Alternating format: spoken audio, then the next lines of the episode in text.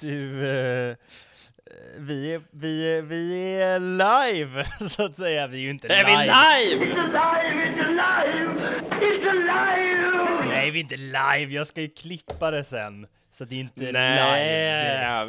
Men, men jag har tryckt på recording-knappen och jag låtsas att jag är i en radiostudio. Så att jag säger det igen. Vi är live. Välkomna till Wikiroll! Du lyssnar på Wikipodden, avsnitt 12, med Johan och Erik.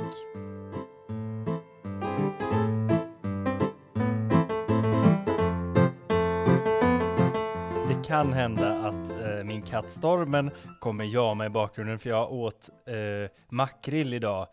Och ända sedan jag öppnade de där burkarna så har hon jamat som en galning och jag är ledsen men jag har ingen, jag har ingen makrill kvar. Jag åt upp allt. Det, Det är en form av djurplågeri. jag skulle, Vad fan jag heter det? skulle säga... Djurplågeri. Vad sa du? Djur? Jag sa djurplågeri. Visste du det här om det svenska språket för övrigt tydligen? Nej. Det är många som, som lär sig svenska, Mm. som lär sig att prata svenska väldigt korrekt när man pratar och artikulerar på vartenda stavelse och ord. Men grejen är att så låter ju inte svenska när man pratar. Om man inte Eh. går scenskolan då.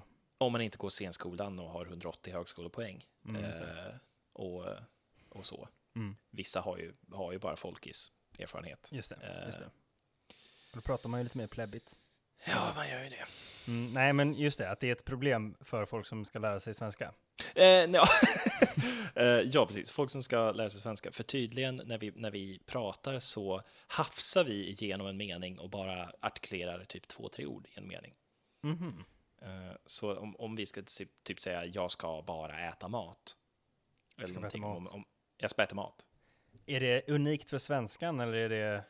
Jag vet inte om det är unikt för svenskan, men det är tydligen en grej vi gör. Så att jag ska bara äta mat blir ju jag ska bara äta mat. Eh, du har första storyn idag, Wiki, första wiki-storyn. Wiki stories, jag älskar att du försöker göra det här till en grej. Jag har inte släppt det. Du har, för, du har, du har veckans första wiki-story. Vad har du att bjuda på? Det här är, är någonting som jag tror att alla som lyssnar på Wikipodden och, och framförallt följer vår Instagram har upplevt. Mhm. Eh, det här är Stendal-syndromet. Okej. Eh, det var döpt efter författaren Marie-Henri Bale, eller som kallades för Stendal, Va? som pen name. Jaha, okej. okej. Vad ett konstigt smeknamn annars, tänkte jag. Eh, jättekonstigt, jättekonstigt smeknamn. Eh, vi kan läsa mer om Marie-Henri. Ja, eh, men det. det, det nej, Nej. strunt i det. Ja, visst inte är det. Gud, vilken Eh. dålig idé att läsa mer om henne. Usch, det gör vi inte. Det är en han. Om, om honom. Han har ett Förlåt. fantastiskt skägg också för den delen. Mm. Vad är då Stendal-syndromet? Ja, jag Undrar undrar. du? Jag sitter och Ja. undrar så hårt. Undrar. Du sitter och undrar så hårt. Och, och så här, för den är döpt efter Stendal, därför att Stendal var den första som, som skrev om det. Och så här summerar då Stendal. I was in a sort of ecstasy from the idea of being in Florence, close to the great men whose tombs I have seen, absorbed in the contemplation of sublime beauty. I reached the point where one encounters celestial sensations. Everything spoke so vividly to my soul. Oh, if I could only forget I had palpitations of the heart, what in Berlin they call nerves. Life was drained from me. I walked with a fear of falling. Okej. Så, så om man ska sammanfatta det då så är Stendal-effekten eh, den, den överväldigande känslan man får när man är i Florens. Nej, inte specifikt Florens, men, men eh, du, ja, det är den överval, överväldigande eh, psykosomatiska eh, känslan när du eh, blir utsatt för otroligt vackra konstverk, fenomen, skulpturer, eh, kulturupplevelser eller saker som liksom är eh, otroligt betydelsefulla. Eh, Så att det kan leda till, och jag ska läsa upp en lista då på vad det här kan leda till. Det kan leda till hjärtklappning, svimning, förvirring och hallucinationer. Oj, herregud. Förlåt, jag, det kanske låter någonting i bakgrunden. Det är några slags explosioner utanför mitt, utanför mitt fönster här. Jag, Va? vet, ja, jag trodde jag skulle behöva oroa mig för stormens oljud, men det är nog... jag vet inte. Jag tror att det kanske är fyrverkerier. Jag hoppas att det är fyrverkerier. kravallerna 2.0. Ja, så kan det vara. Ja, jag hör. Gud vad det smäller. Ja. Ja, det här är ju inte Stendal. Erik från framtiden här. Jag inser nu att explosionerna knappt hörs överhuvudtaget, men lita på mig, de var där. Så för att göra det lite tydligare för er som lyssnar så kommer jag nu lägga in lite artilleriexplosioner på lämpliga tillfällen. Håll till godo. Nej, det här, jag får ingen Stendal-effekt av det här. Det är mest irriterande. Men okej, okej, förlåt. Men nu vet ni som lyssnar vad det var för någonting som small. Keep going. Ja nej, men så den är döpt då efter eh, Marie-Henri Beil, eller då Stendal, Ja. när han besökte eh, Santa Crokes basilika. Santa Crokes basilika! Eh, där Machiavelli och Michelangelo och Galilei är Aha. begravda. Alla de stora. Ja, men och då blev han då, det var då han fick den här känslan som han skrev om, den här överväldigande känslan av bara, du vet, eh, ja, tot, alltså som man blir totalt överkörd ungefär. Mm. Eh, Alltså Och- förlåt, förlåt det, jag måste bara gå till fönstret och kolla om det är fyrverkerier. Förlåt. gör det, ja, vi kan pausa om du vill också. Vad i helvete?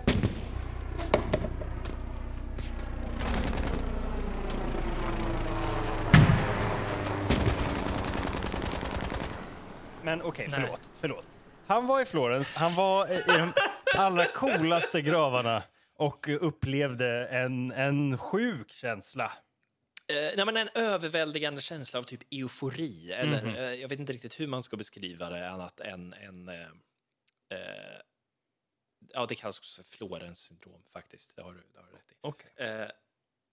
Nej, men du vet, eh, tänk, alltså, kanske när man står i närheten av någonting som har en enorm historisk och kulturell signifikans. Just det. Ungefär. Och att man bara då, jag vet inte, kanske inser hur liten man är samtidigt. Hur så här, "Oh, det, det är den saken och den här gjordes för hand för tusen år sedan. Och, oh, alltså, Mm. eh, men tydligen är det här då väldigt vanligt i just Florens. Eh, du, hade faktiskt, du har rätt där. Ja. Eh, psykologer debatterar fortfarande om det här ens existerar. Ja. alltså, Ja. är det här en, en liksom sjukdom, eller vad man ska säga? Är det ett syndrom? Någonting Eller har man bara överdrivit? Ja, typ så. Men däremot så finns alltså så här, sjukhuspersonal i Florens, speciellt på Santa Maria Nuova Hospital, är ganska vana vid turister som kommer in då yra, desorienterade Oj. och bara, du vet, så här, överväldigar efter de har sett eh, The Statue of David. Det är Eller- så? Alltså. Fan vad sjukt. Ja, eller varit inne på Uffizi-galleriet till exempel, eller sett eh, massa historiska reliker och liksom. Eh, så att det eh, tydligen är liksom en grej. Eh, och det finns också, det, det finns väl Och här bröts Johans uppkoppling, men frukta ej, han kom tillbaka. Det det var, mest distraherade avsnittet av Wikipodden vi, vi någonsin har gjort. Får jag ta mig igenom den här artikeln? ska försöka att inte avbryta mer nu. Du var i Florens. De här läkarna, de är vana vid att det här förekommer. Det är inte så ovanligt som man kan tro. Nej, eh, det är, det, det är tydligen. Det finns ganska många dokumenterade fall där folk bara har trillat ner och, och svimmat efter de har varit i Florens och tagit in då florentiansk eh, konst. Mm. Eh, men syndromet fick sitt namn 1979, ska sägas, medan eh, Marie-Henri Beil då, eller Stendal. Jag vet inte varför jag fortsätter säga fulla namnet när Stendal duger alldeles gott. Eh, det var då det döptes Ja. också. Eh, För att av eh, en italiensk psykiatriker som heter Graciela Magarini som såg typ hundra liknande fall bland just turister i Florens. Men gud vad sjukt. Eh, Det finns ingen vetenskapliga belägg för att definiera ett Stendals-syndrom heller. Nej, Det är ju därför det inte riktigt är då en riktig, riktigt syndrom, ungefär. nej okej. Så vad säger man när de kommer in att de lider av? Att de har... Sten, de Stendals-syndrom. Ja, okej. Eh, men, men, men det är ju inte en riktig, eh, riktig sjukdom. Mm. Eh, den, det absolut senaste eh, dokumenterade fallet var 2018 när en besökare till Uffizi-galleriet i Florens fick en hjärtattack medan han kollade på Venus födelse. Men det känns ju, det, det jag får känslan av är att all den här konsten är förhäxad eller förbannad på något vis. att det liksom är så här. Ja. Eh, Men alltså den kan ju heller inte vara så, alltså det kan ju inte vara så jävla bra konst. Att man, att man svimmar. Jag har svårt att, det måste ju vara en del av, av det måste väl vara hypen liksom. Ja, de säger ju att den, den är, ju, det är ju en psykosomatisk grej. Alltså Ja. det, den, den triggas ju av hjärnan, eller vad man ska säga. Det, den, den existerar ju bara i huvudet. Liksom. Men, men jag kan tänka mig ändå, alltså, om du är konsthistoriker till exempel, eller litteraturvetare, eller, eller eh, ja, vad ska man säga, kulturvetare överlag, och du har dedikerat en icke alltför insignifikant del av ditt liv med att studera till exempel då The Birth of Venus, till exempel. Eh, jag, jag kan definitivt tänka mig att det finns folk som ser fram emot att se den målningen hela sitt liv, ungefär. Jo, jo sen- absolut. Men då sen är det ju, då är ju ändå, det är väl hype. Ja, då är och det är ju hype. Det är ju hype. Eh, men att det blir på något vis så pass laddat Ja, eh, i, en, i en stad, att det blir liksom så, så pass påtagligt att det heter nästan Florens-syndromet i en stad. Eh, och grejen är att, som du säger, så går det ju när man hypar lite för mycket. Ja. Och i Florens så lever man ju upp till hypen. Däremot så finns det motsatsen till Stendalssyndromet. Okej. Motsatsen till Stendalssyndromet heter Paris-syndromet. Nej, stackars parisarna.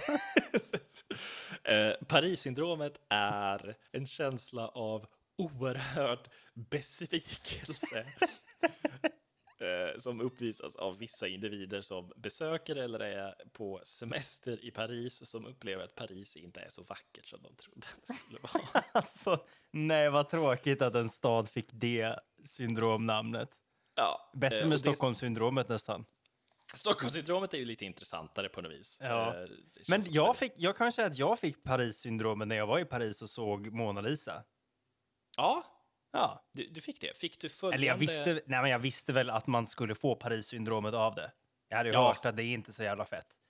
Så jag var väl inte, det var inte så sjukt. Fick du, fick du någon av följande symptom så Ja, kan det definitivt ha varit Paris-syndromet. Eh, fick du, jag kommer läsa på engelska nu, Mm. acute delusional states. Som att jag inte visste vart jag var helt plötsligt. Ja, det är ju så, exempel. så jävla Ja. besvikelse så att jag blev helt förvirrad. Nej, det, det känner jag inte igen. Nej, okej. Fick du, halluc- hallucinerade du? Eh, nej. Nej, okej. Hade du en känsla av att du blev förföljd? Eh, att du var ett offer för eh, fördomar, aggression eller eh, motstånd från andra? Ja, alltså andra museibesökare. Det var väldigt mycket folk där. Så en, en liten känsla av att vara förföljd, absolut. Eh, Fick du en känsla av derealisation? Eh, Alltså en känsla av eh, att du existerar utanför världen, att allt känns så overkligt att du disassocierar? Nej, nej, Nej, inte, deper, inte depersonalisation heller för den delen. Nej, alltså att jag inte var mig själv längre eller? Mm, ja, typ så exakt. Du förlorar Ja. din personlighet. Nej. Nej, okej. Och ångest? Oh ja, Lite ångest. lite ångest. Men det är ju lite grund, grundnivå av ångest kanske. Jag vet inte om den ökade. den, den ligger ju och tuggar. Vad fan, vad ska man göra liksom? Eh, psykosomatisk manifestation av yrhet eller svettande eller eh, kräkningar. Svettning, absolut, men jag vet inte om den var psykosomatisk. Det var som sagt väldigt mycket folk där. Nej, okej. Om du fick någon av de här symptomen när du besökte Paris. Så kan du lida av Paris-symptomet och bör uppsöka läkare. Och bör uppsöka läkare. För, eller fan, uppsök inte Paris till att börja med. På jag riktigt, tyckte Paris var ute. fint. Alltså nu, det, jag var där i januari, det regnade, det var ursligt och kallt. Så det var inte Paris från dess bästa sida, men jag såg ändå skärmen med Paris. Absolut. Ja, Jag var där på sommaren, det var skit. Vi var där, vi var scouter, eh, vi, var, vi hade typ två timmar Well, there's your problem right there. Nej, vi sprang runt i full scoutuniform och så, alltså, vi sprang verkligen, för vi hade två timmar att se hela jävla Åh, Paris. nej. Och det var så, vi ska till Sacré-Cœur, och så bara sprang vi. Sen vi ska till Louvren, och så bara, det är kö! Och så sprang vi och så bara, katakomberna! Och så sprang vi ner i katakomberna. Perfekt. Notre Dame! Där är Notre Dame! Ja, Perfekta fint. förutsättningar för en Ja. trevlig semester. Det var verkligen var redo alltså. Eh, Blev du då disassocierad med verkligheten? Eh, lite, alltså jävlar vad smutsigt det var överallt. Jag var inte Ja. imponerad alls. Det var så här, vi gick förbi så här, en bil med en massa utslagna rutor mitt inne på en jävla gata och sen så skulle vi, vi skulle till Sacré-Cœur har jag för mig, så då tog vi tunnelbanan och så gick vi upp på, på närmast, stationen närmast Sacré-Cœur, kom Ja. upp mitt i röda distriktet. Ja, Det, det är liksom, det är bara, det, det är bara liksom strippklubbar, sexshopper, Röda Kvarnen och hela skiten, hela gatan liksom. Och Ja, där ja. springer vi upp på våra scout, scoutdräkter och bara... eh, så att, så ja, du fick jag, Paris-syndrom? jag upplevde en väldigt lätt version av Paris-syndromet, men Mm. Eh, Paris-syndromet är faktiskt inte, inte jättevanligt bland kanske europeer, Nej, nej, nej. utan eh, Paris-syndromet är vanligast hos, Amerikaner? nej, Nej. japaner. Jaha, där hypar man Paris alltså? Där hypar man Paris otroligt mycket. Eh, Det är så pass mycket att eh, typ 2006 så hade den japanska ambassaden i Paris en 24 timmars hotline för de som led av severe culture shock. Eh, Men de har sagt att det inte existerar efteråt. Sen. Men eh, Men de hade ändå det? ja, ja, eh, det, det, jag vet inte faktiskt. Eh. Jag tror det var en lögn av BBC, för Ja. Eh, Men de, de, de rapporterar fall att de får in ungefär 20 ärenden om året om det här. Oj då. Eh, Vad tråkigt. Fy fan vad tråkigt att vara en sån besvikelse. Paris, va? Ja, Step it up. Ja, det finns två typer av den här, den här symptomet, eller man ska säga. Det ena är ju naturligtvis de som redan har psykiatriska problem sedan innan. Ja. Eh, det, ja, det, det kan man ju ändå på något vis förstå att då kanske man är lite känsligare för det. Men, men ändå att tänk att tänk att bli så jävla besviken och någonting att du får en psykos. Alltså, Det var hemskt. ja, det är liksom, och det här påverkar tydligen också lite några kinesiska turister också. Finns det fall om, men, men Asien överlag verkar det som. Där, där har man alldeles för höga förväntningar på Paris. Ja, det är otroligt höga förväntningar, verkligen. Mm.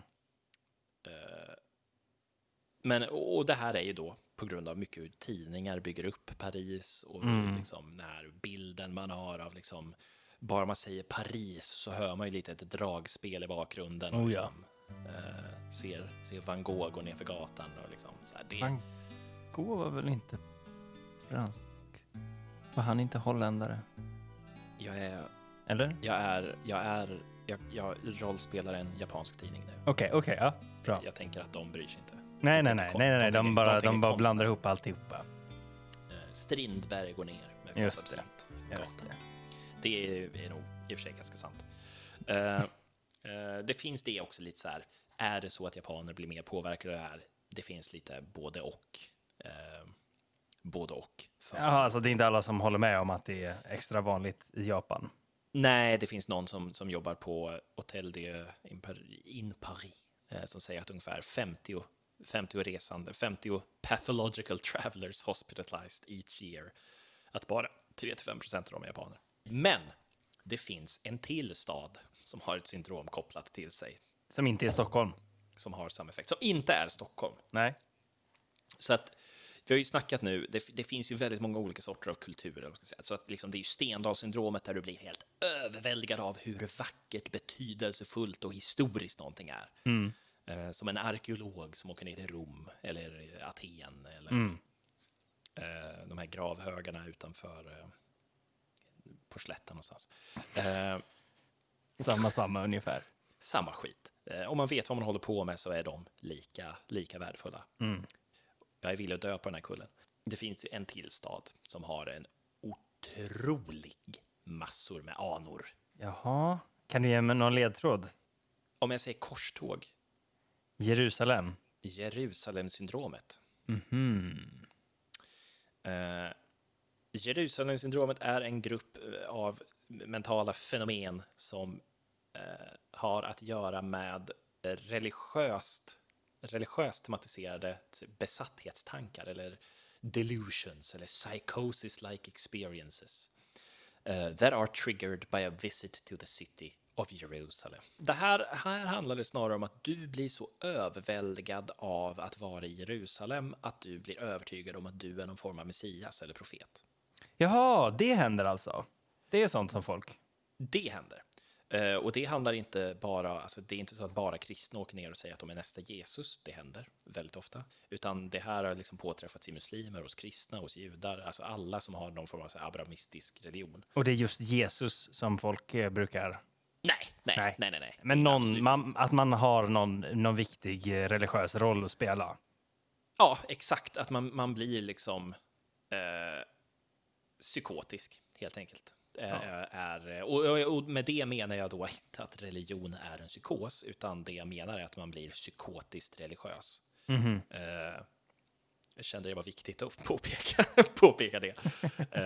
Men jag kan, jag kan citera direkt från artikeln. The best known, although the not the most prevalent manifestation of Jerusalem syndrome is the phenomenon whereby a person who seems previously balanced and devoid of any signs of psychopathology becomes psychotic after arriving in Jerusalem. The psychosis is characterized by an intense religious theme and typically revolves to full recovery after a few weeks or after being removed from the area. Men gud!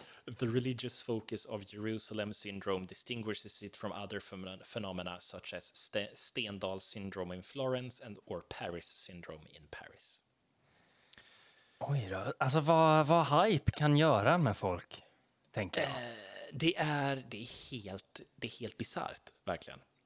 Eh, hur, liksom, hur, hur den mänskliga upplevelsen ändå påverkar oss, eller vad man ska säga. Det jag tror, Ja. jag tror, det, framför allt tror jag väl att det här är på något vis, det här är ju makten av historier, ungefär. Makten av eh, alltså våran uppfattning av en historia som har berättats för oss, eller någonting. Alltså, Mm.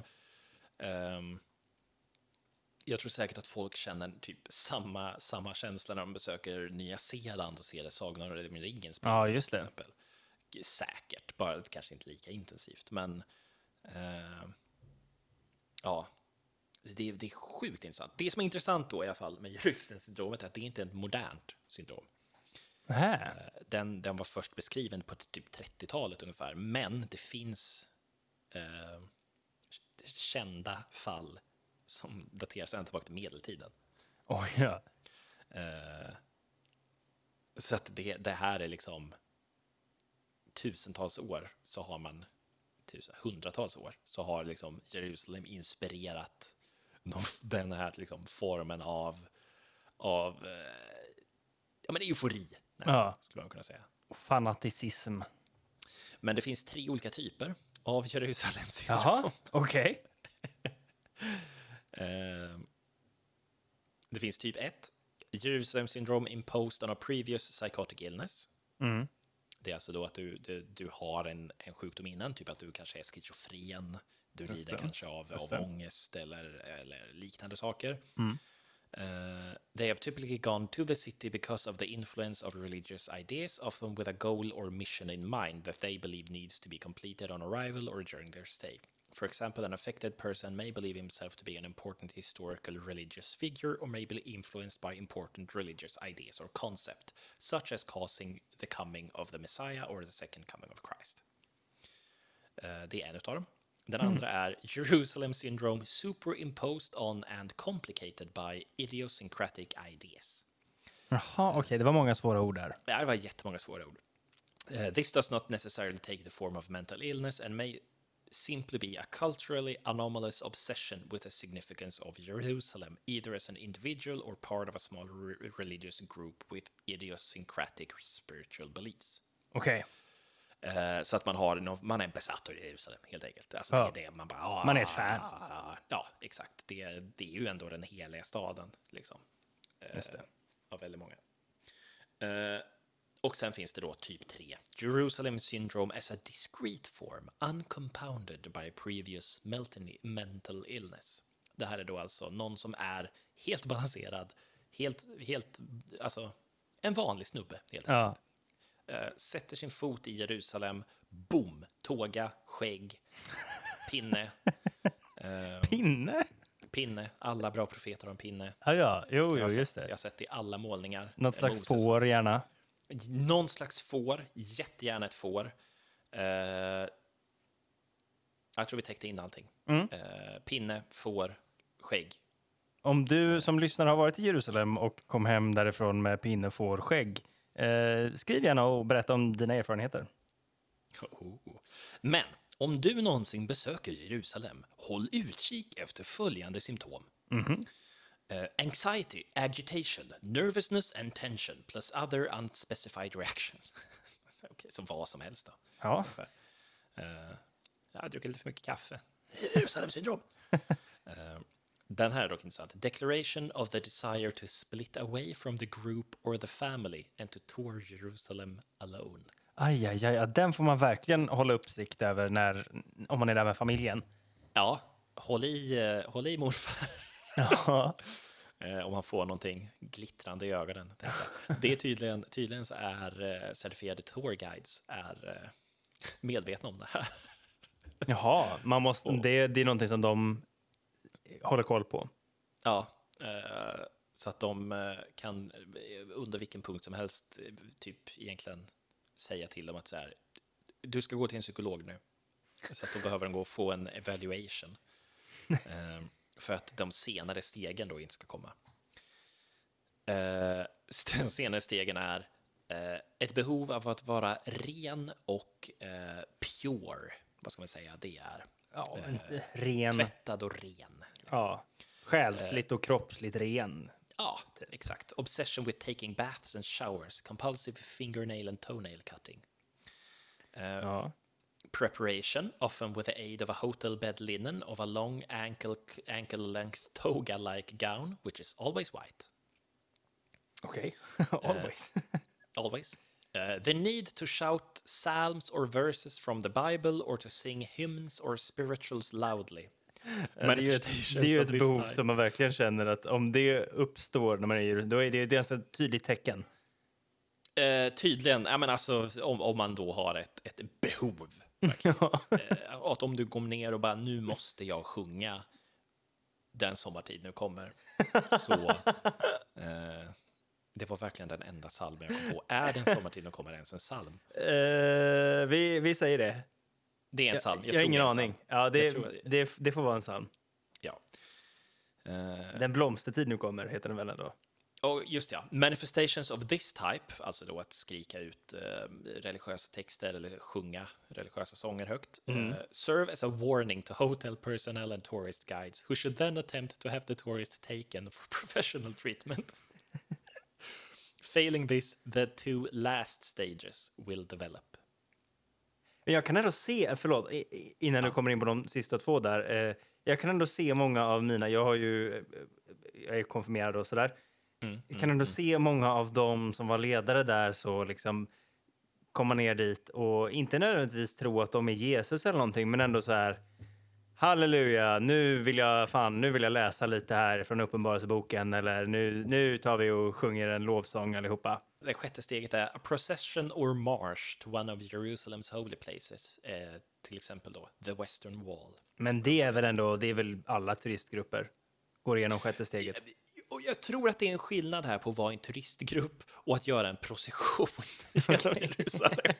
alltså, Ja, och återigen, jag kan se, jag kan se mina Å-ledare göra det här. ja, jag är ju inte konfirmerad. Nej, du är en hedning du. Jag är ju eh, gudlös. Så Ja. eh, jag, jag, jag, jag kan inte sätta mig in i det här jättemycket. Nej, Eh, men jag, men jag kan ju jag kan ju bistå med det då. Säga vad som känns normalt och inte eh, Mm. från mitt eh, perspektiv. Av dina symptom som du drar upp här. eh, Ja, det är, nu, de två sista symptomen kommer sen då. Efter du har gjort din procession eller marsch så kommer du och gör en, eh, en gudstjänst ett, på en helig plats. Ja, men det är garanterat. The sermon is typically based on a plea to mankind to adopt a, a more wholesome, moral, simple way of life. Such sermons are typically ill-prepared and disjointed. Så då man bara känner så här, nu måste, jag måste rädda världen här. Ja, men du kommer, säg att du kommer då till exempel till eh, ja, men typ The Western Wall då, ungefär. Och du bara känner att så här, ah, de här måste, de måste få höra. Ja. De, måste få, de måste få förstå vad jag känner. De måste frälsas. Ja, och så ställer man sig då på en sten bredvid alla andra som också står där och känner att alla andra måste frälsas för att det är liksom... Ja, men det här, det här skulle de göra på Å. Och så 100%. bara, bara hasplar du ur dig någon ill-prepared and disjointed. det är ändå... Ja, Det är, ju, det är ju lite så här... Such, such sermons are typically ill-prepared and disjointed. Det är alltså det är lite sorgligt på något sätt. lite. Men, Ja. Och sen då steg åtta. A paranoid belief that the Jerusalem syndrome agencies after the individual cast, causing their symptoms of psychosis through poisoning or medicating. Okej. Ehm, det här är tydligen då vanliga symptom. Eh, 43 stycken eh, fall har rapporterats över 13 år. Ja. Eh, man har aldrig riktigt heller kunnat fastställa om några av dem är tillfälliga heller. Hur menar du då tillfälliga? Eh, alltså man har ju tagit bort dem ifrån stan och det verkar ju ha funkat. Eller man har behandlat någon intensivt i, liksom, hos en psykiatriker eh, och det verkar ju funka. Men säg att de man bara tog bort från stan skulle komma tillbaka igen. Skulle det då, Ja, just det. alltså Skulle de relapsa? Eh, exakt. Exakt så. Men det här är då tydligen liksom eh, en grej, helt enkelt. Eh, och, och jag, jag- vill också, tänk om man applicerade det här på andra, sak, på andra saker. Tänk om man i Florens, Florens syndrom till exempel då, sten, får Stendals-syndrom. Ja. Men det handlar ju inte bara om att du ser massa vackra saker, utan du också får en överväldigande känsla att jag måste skapa. Ungefär. Jag har den här statyn i mig också. Uh, alltså tänk, tänk om... Ja. Nej, så att det, det börjar liksom poppa upp små skulptörer överallt fort de är Ja, men plötsligt så bara sitter en snubbe och målar på en canvas. Liksom. Det är bara en hel jävla gata full med canvasmålare. Allt ser ut som skit. Ehm, Ill prepared. ill-prepared and disjointed kanske. Så att eh, det är någonting att tänka på om du någonsin åker till antingen Florens, Paris eller Jerusalem. Jag tyckte inte om Paris, alltså Nej. förlåt. Förlåt, men jag tyckte inte om Paris när jag var där. Johan, Ja. vad vet du om Rumänien? Jag vet förhållandevis mycket om Rumänien om man jämför med gemene man. Mhm. Eh, Jag vet att Rumänien har den tyngsta administrativa byggnaden i världen. Just det. Eh, Jag vet också att den byggnaden eh, är en kopia av en annan liknande byggnad. Ja, ja. Eh, men det är just den byggnaden som jag tänkte prata om idag. Nej! Jo, Ja! det stämmer. Så vi ska lära oss allting om den byggnaden. Inte så mycket om Rumänien eh, kanske, men om själva byggnaden. Eh, den, eh, det är ju då det här parlamentspalatset som står i Bukarest. Just det. Världens tyngsta administrativa byggnad. Just det. Det är inte den tyngsta byggnaden i världen. eh, Det är inte liksom, och det är inte den största, men det är den tyngsta administrativa byggnaden i Ja, världen. jag skulle vilja säga att vi har fått det där lite om bakfoten. Va? Att den skulle vara den tyngsta administrativa byggnaden i världen är förvisso sant. Men det är en fjuttig bedrift. Visar inte hela bilden av hur magnifikt parlamentspalatset verkligen är. Parlamentspalatset i Bukarest. Ja, för världens tyngsta administrativa byggnad. Pff, det är en underdrift. Det är Men- universums tyngsta administrativa Innan jag visar hur lite av dess strålglans vi lyckats fånga med det påståendet så blir det såklart lite historia. You're listening to Historia med Erik. Here We Go. Nikolaja Ceausescu, tror jag han uttalas. Ceausescu. Ceausescu. Jag vet inte, jag kollade på Wikipedia på en sån här uttals... Nicolae Ceausescu. Hette en gubbe. Ja, Eh, Han råkade vara president i det kommunistiska Rumänien. just det. Just det. Han var inte bara en, inte vilken- vem som helst, han var också president. Han var Ceausescu. Ja. ja. Han eh, fick för sig att genomföra eh, något som han kallade för systematiseringen. Oj. Ett gigantiskt stadsplaneringsprojekt. Är det miljonprogram vi snackar nu? Eh, alltså, miljonprogrammet kommer inte i närheten. Oj. Han hade nämligen besökt Nordkorea. Aha. Ja. Han tyckte att deras Juche-ideologi var så sjukt bra så han ville genomföra någonting liknande hemma vid. Eh, Och. Juche, vad vet du om Juche? Juche är väl eh, radikal självförsörjning, ungefär. Eh, Ja, det betyder ju på något sätt självförsörjning, men det betyder också lite olika saker. Det är jävligt eh, flytande vad Juche Alltså, så långt som en ideologi går så är den ju väldigt grå. väldigt grå. Den, det är ju också meningen då, för att man ska kunna eh, genomföra alla möjliga reformer och säga att ja, men det är ju Juche. Så det är lite, lite poängen, att den ska vara lite grå och formbar av ledaren. Ja, Juche det. Det är Juche. Ehm, det är lite svårt att förklara vad det är för någonting, men det är i alla fall Nordkoreas nationalideologi. Fortfarande. Yes, det är inte alla, yes. inte alla länder som har en nationalideologi. Nordkorea är också världens enda nekrokrati, tror jag. Stämmer, stämmer. Det är fortfarande Kim Il-Sung då, han som uppfann Juche, som eh, styr landet. Tror jag. Han är död då. Vi får ha ett Nordkorea-avsnitt någon gång, tror jag. Det kanske, det kanske är fel, men, men det har jag hört också i alla fall. Att, att det är jag, jag är bara som är. lycklig. Jag är lycklig över att vi har Rumänien fakta-avsnitt. Ja, eller hur? Eh, Nikolaj, i alla fall, Nikolaja, förlåt. Han tyckte att det var i alla fall så jävla bra det här med Juche. Mm, Så det tog han hem, han importerade det på sätt och vis. För att hur importerar man någonting som är så där mjukt? Men eh, det gjorde han i alla 10 fall. 000 byråkrater. Ungefär. Eh, och när man vill uttrycka sin politiska ideologi och statens totalitära styrka genom arkitektur, vilket Då han då standardiserar man köksbänkar. då kan man antingen gå den vägen som Sverige Mm. gjorde, att man standardiserar köksbänkar och köksluckor. Men man kan också då eh, ja, försöka bygga massa, massa byggnader. Ja, okej. Ja, och det, är som är, naturligt. det som är jobbigt när man försöker göra det då i en gammal stad, det är att den ofta är full av gamla byggnader redan. Ja, finns massa gamla byggnader där. ja. Ja.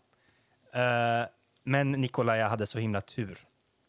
För det, och det är inte, inte, inte tur Åh, på nej. samma sätt som Diocletianus hade tur, Nej. utan han hade Nej. en del tur här nu faktiskt.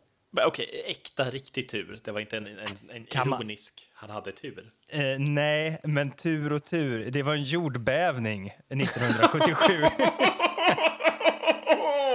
det var i alla fall inte Nikolaja som hade någonting med den att göra, men eh, för honom var det på sätt och vis tur. För att det var många av de här gamla tråkiga byggnaderna, de här historiska byggnaderna, de förstördes. Inte alla, men många.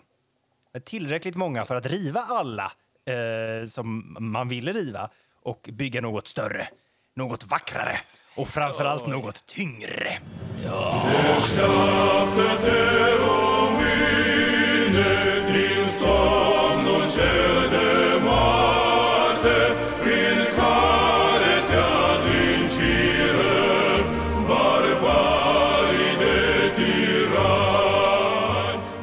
Man fick riva lite kloster, lite nationalarkiv, Nej. lite sjukhus, lite Nej. fabriker och sen då var det ungefär 40 000 frivilliga människor som fick flytta någon annanstans. Det var de så 40 glada att göra. 40 000 frivilliga. 40 000, alla var en hel, frivilliga. det är ju en hel jävla stad. Eh, ja, men det är bara en del av Bukarest. Det är ju som min älskade hemstad Skövde. Är ju. Det är ungefär som att hela Skövde bara skulle bli ett palats. Just det. Lite som när de byggde eh, kommunens hus på över modeparkeringen. Ja, Eh, där fanns modegrillen förut. Just det. Eh, modegrillen var eh, bästa grillen i hela, hela Slätta. För jag Så, kan det är ju så du kan ju lite re- relatera till de här 40 000 människorna. Jag har upplevt samma sorts förtryck. Just det. Nej, men jag vet inte om de skulle säga det. Var, men förtryck och förtryck, de var ju såklart frivilliga. De, flytt, de flyttade så gärna, eh, Mm. för man skulle ju bygga nytt. Ehm, Det är mer än vad man kan säga om modegrillen. Just det. Just det, där var det förtryck direkt. Eh, men den här ombyggnaden, det var ju inte bara palatset som skulle byggas. eh, För man behövde inte flytta 40 000 personer för bara palatset. Eh, det var ju en, he- hela stadskärnan skulle byggas om och skulle då härma Pyongyang. Kanske var där du, du hade fått för dig att, man, att den här byggnaden var en kopia. Det är det inte riktigt. Ja, nej, jag tänkte nog på de här stora, du vet, eh, vad heter det, Sovjetpalatsen eh, som finns lite överallt i. Ja, de där ja. ja. Nej, det vet jag. Det stod ingenting om att det var en, en kopia i alla fall. Men, men själva eh, ombyggnaden av stadskärnan var, där skulle man härma Pyongyang på något sätt. Eh, och kronan på det här totalitära verket, det var ju då parlamentspalatset. Tänk vad man börjar riva stadskärnor för att bygga betonghus, va? Mm. Hur skulle det se ut? Nej, det var ju, Va? var ju tråkigt. Tur att man inte bor i ett sånt land. Nej, det vore ju tråkigt. va? Vem skulle få äran att rita det här slottet? Det Palatset. måste ju vara Kim Il-Sung. Ja, det, det hade ju varit väldigt, väldigt passande, men han var ju ingen arkitekt. Eh, han hade säkert inte kunnat, stoppat honom förut. han hade säkert kunnat bygga ett jättefint palats. Men det blev en, faktiskt en sån här arkitekttävling. Åh! Mm. Och här är en person vars namn jag inte har kollat upp hur man uttalar det. Inte som Ceausescu, utan Ancha Petrushko. Petrushko. En 28-årig kvinna. Eh, inte så gammal, inte så jätteerfaren, men hon, hon eh, blev då chefsarkitekt för det här bygget. Eh, och det är ju coolt. Coolt för henne. Spännande, spännande. Mhm. Det, är, Hon- det är kul när arkitekter får jobb. Får jag bara säga det? Ja, Eh, I den här frågan som många diskuterar. Ska är det kul eller tråkigt? jobb? Är det kul här, eller tråkigt? Mm. Jag tycker det är kul. Eh, jag vet att jag tidigare har uttryckt stöd för arkeologerna i deras strävan om jobb. Mm. Men även arkitekterna får mitt stöd. Ja, ja, det är lite kontroversiellt. Men okej, jag tror inte vi ska gå för långt in på det för att vi kan ju då splitta våran lyssnarbas om vi har alldeles för starka åsikter i den frågan, tänker jag. Men okej, eh, Ja, det får nej, stå det för dig. sant. Det är sant. Det är sant.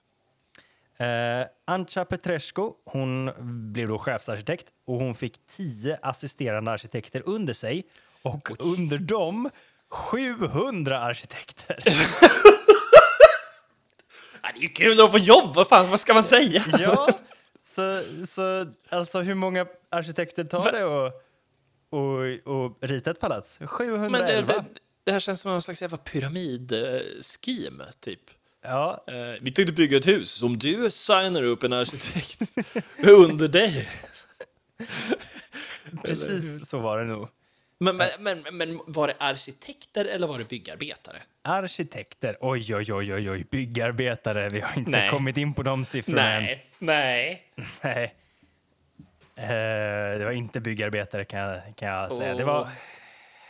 711 arkitekter. Men, men vad fan, ritade de ett rum var, typ? Alltså, gjorde de, gjorde de det på en eftermiddag? Liksom? Jag de vet, 700 inte, pers. jag vet inte om de, liksom, om de hade någon del av palatset att överse. Eller, jag, jag vet faktiskt inte hur, hur st- Ja. strukturen gick till där. Men Hade det inte varit jävligt smidigt bara liksom, alla bara samlades i en gympasal och bara sattes ner och bara liksom, jag tar badrum på våning två, rum fem. ja, alltså med, med tanke på systematiseringen så skulle det inte förvåna mig om det var så det gjordes. Att man delar in det i lika delar.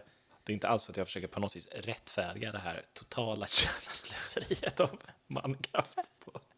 Ja, nej, förlåt. Yes. Men det är en stor byggnad, det behövs. Ehm, 25 juni i alla fall, 1984. Oj! Då togs första spadtaget för parlamentspalatset. Och närvarande, det var Nikolaja själv. Kom ofta dit för att inspektera eh, under det här själva bygget. Och det här palatset, det skulle ju bli liksom the shit. Det var ju hans... Eh, det var ju mycket personkult Är det, Och- typ världens, det känns ju som världens största Folkets hus. Ja, precis. Det hette faktiskt Republikens hus och sen efter eh, revolutionen så har det numera eh, liksom allmänt kallas för Folkets hus. Nej! Nej! Så det är Folkets hus. Nej! Absolut. Eh, det är inte vilket Folkets hus som helst. Kan Det man är säga. världens tyngsta folket. Det är det verkligen. Och det är ju då alltså hans ja, vanity project kan man ju verkligen säga. Det bygger ju Ja. på hans personkult. Så att han skulle ju verkligen nu sätta sin prägel på historien eh, och bli En- liksom eh, den eviga. En arkitekturell penis mitt i Bukarest. Absolut. Och man, man kan ju verkligen dra paralleller här till eh, Kim Il-Sung och sådär. Man Ja, fattar att han blev inspirerad. Eh, Men eh, i alla fall, han var där och han, han var ju väldigt involverad i det här bygget så han var där och tittade ganska ofta. Mm. Och allting skulle byggas av inhemskt material. Jutsche. Jag vet inte om det var liksom en patriotisk grej eller om det bara var billigare kanske. Både och antagligen. Ja. Ehm, jag har en liten eh, inköpslista här om du vill bygga ditt eget parlamentspalats. Oj, det här känns som en Ikea-reklam nu. Eh, vill du bygga ditt parlamentspalats eller världens största Folkets hus så behöver du 700 000 ton stål och brons. Ni, 900 000 kubikmeter trä. I Vilken typ? valnöt, ek, körsbär, lönn och alm. Jag har pressskiva. Ja, jag tror inte att det riktigt håller måttet. Det ska vara fina grejer. Och, men det är också lite irriterande här att de skriver i olika format. Det är liksom ton stål och sen så är det kubikmeter trä. Och sen, Alltså fruktansvärt undligt sätt att mäta trä på. ja, absolut. Eh, men då har de också en miljon kvadrat... Kvadrat. En miljon... Kvadratmeter! Kvadratmeter floresiansk ost! vad tror du att de hade en miljon kvadratmeter av? Eh, Tegel. Marmor. Jaha, ja. Ja, det är fan inget billigt bygge det här. 200 000 kvadratmeter mattor av olika Mattor? storlekar. Ja, och de här mattorna, alltså vissa är så stora att de var tvungna att ha bygga upp maskinerna, vävmaskinerna inomhus, alltså i palatset för att de skulle kunna väva mattorna på plats och sen bygga ner maskinerna igen och ta ut dem. Men, vänta, vänta, vänta. För att mattorna Vad- skulle inte gå in genom dörren. Om man rullade ihop dem, typ. Ja, Va? Men vänta nu, jag försöker... Vänta, men... va- Eller vänta, du kan... Det måste ju finnas smidigare sätt.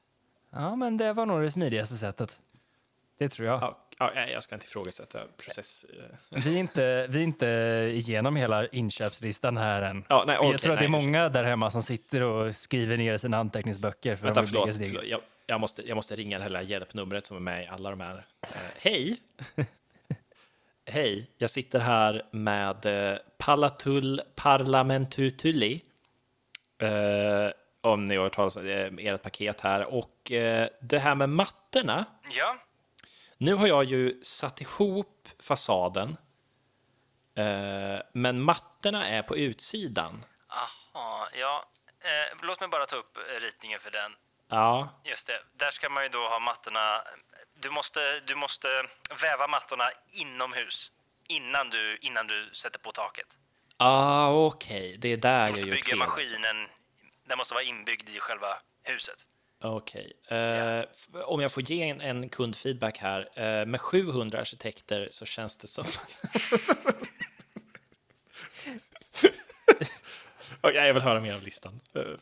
Yes. Eh, jo, efter mattorna då. Och då är det också, jag vet inte, det var- det stod lite oklart om det här 200 000 kvadratmeter mattor även innefattade draperier och sånt där. ah, ja, ja, ja. För okej. det, det var det mycket. Eh, med det- ja. guld och silverbrokad i och sådär. Det ska vara, Sunkiga och dammiga de måste vara nu. oh ja, men det ska vara så dyrt som möjligt. Vet du. Ah, ja, ja, ja. Så guld och silver på de här. Och sen då behöver du 3 500 ton kristall.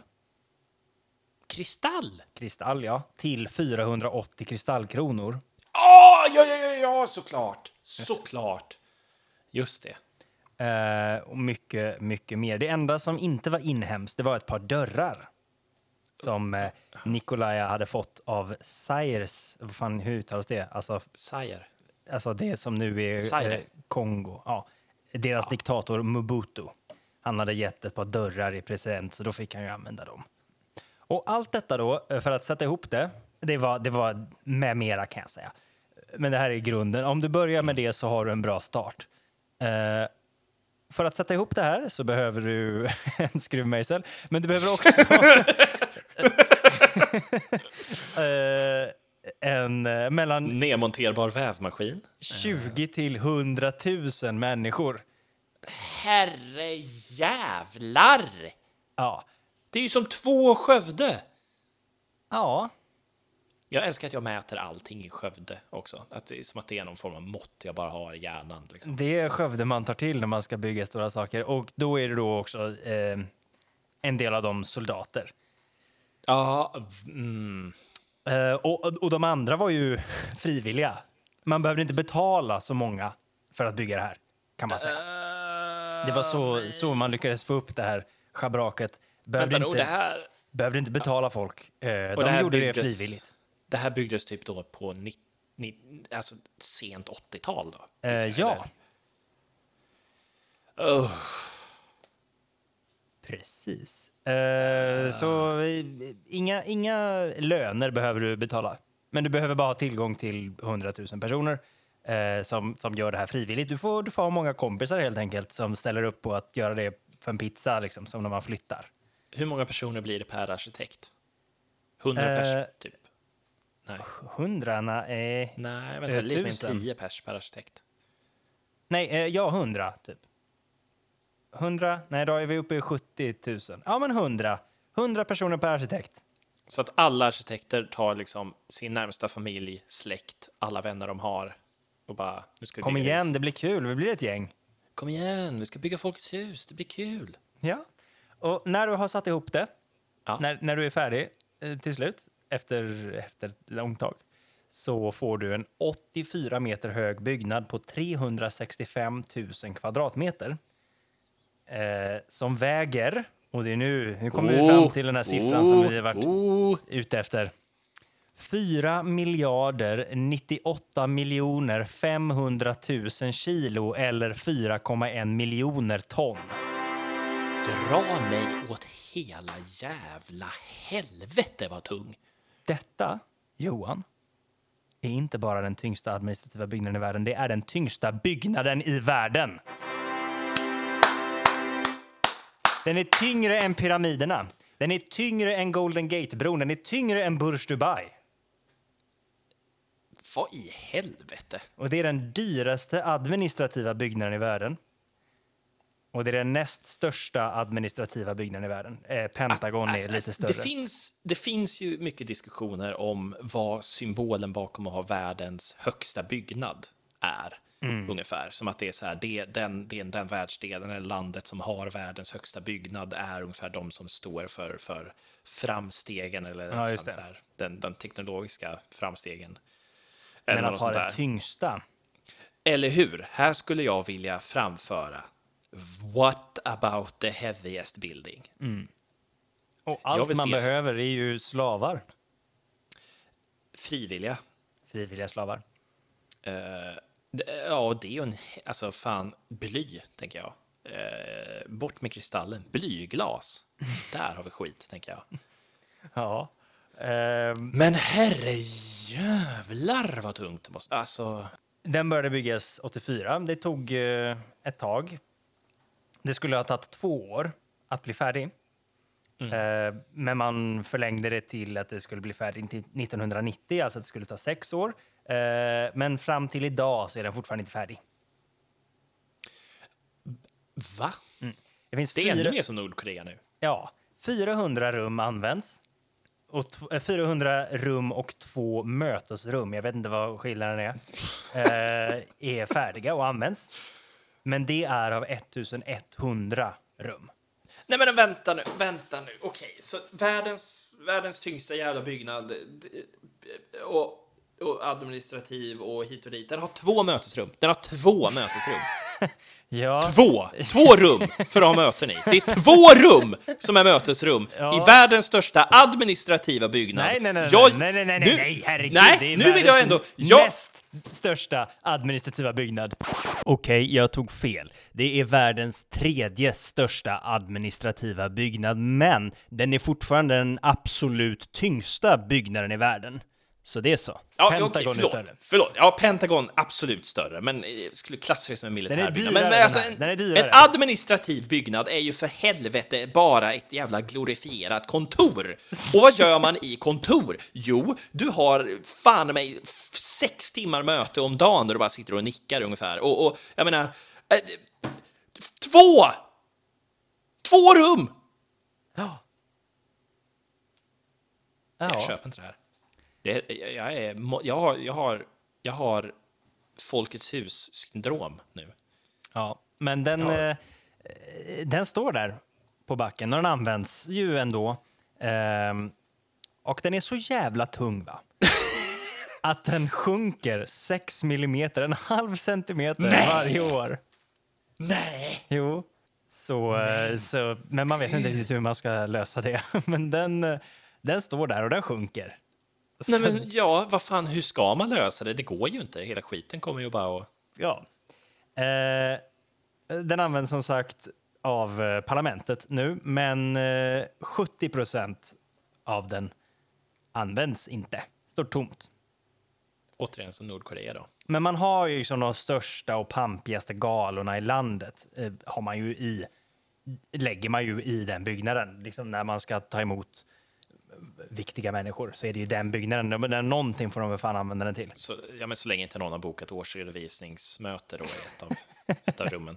Och så är det kvartalsrapport i, i det andra rummet. Just det, för då går det inte.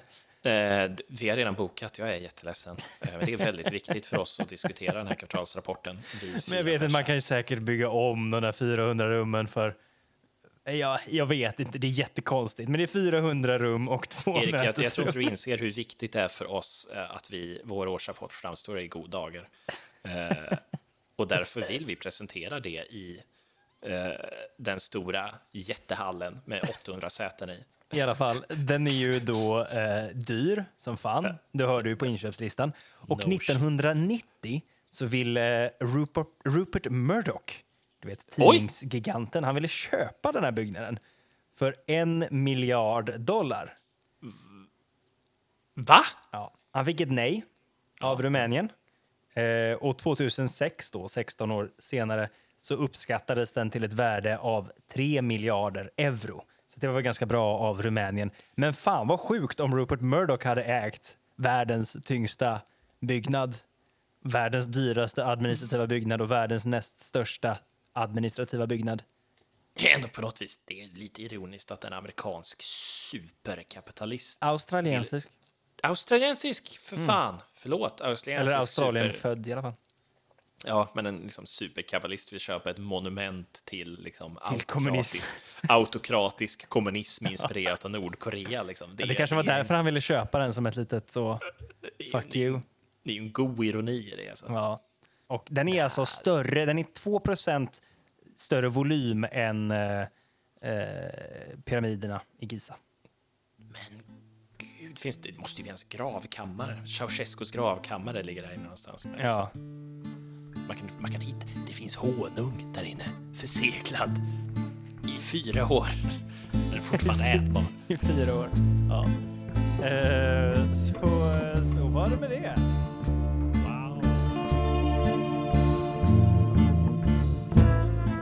Har lyssnat på Wikipodden med Erik och Johan. Tack för att du lyssnar.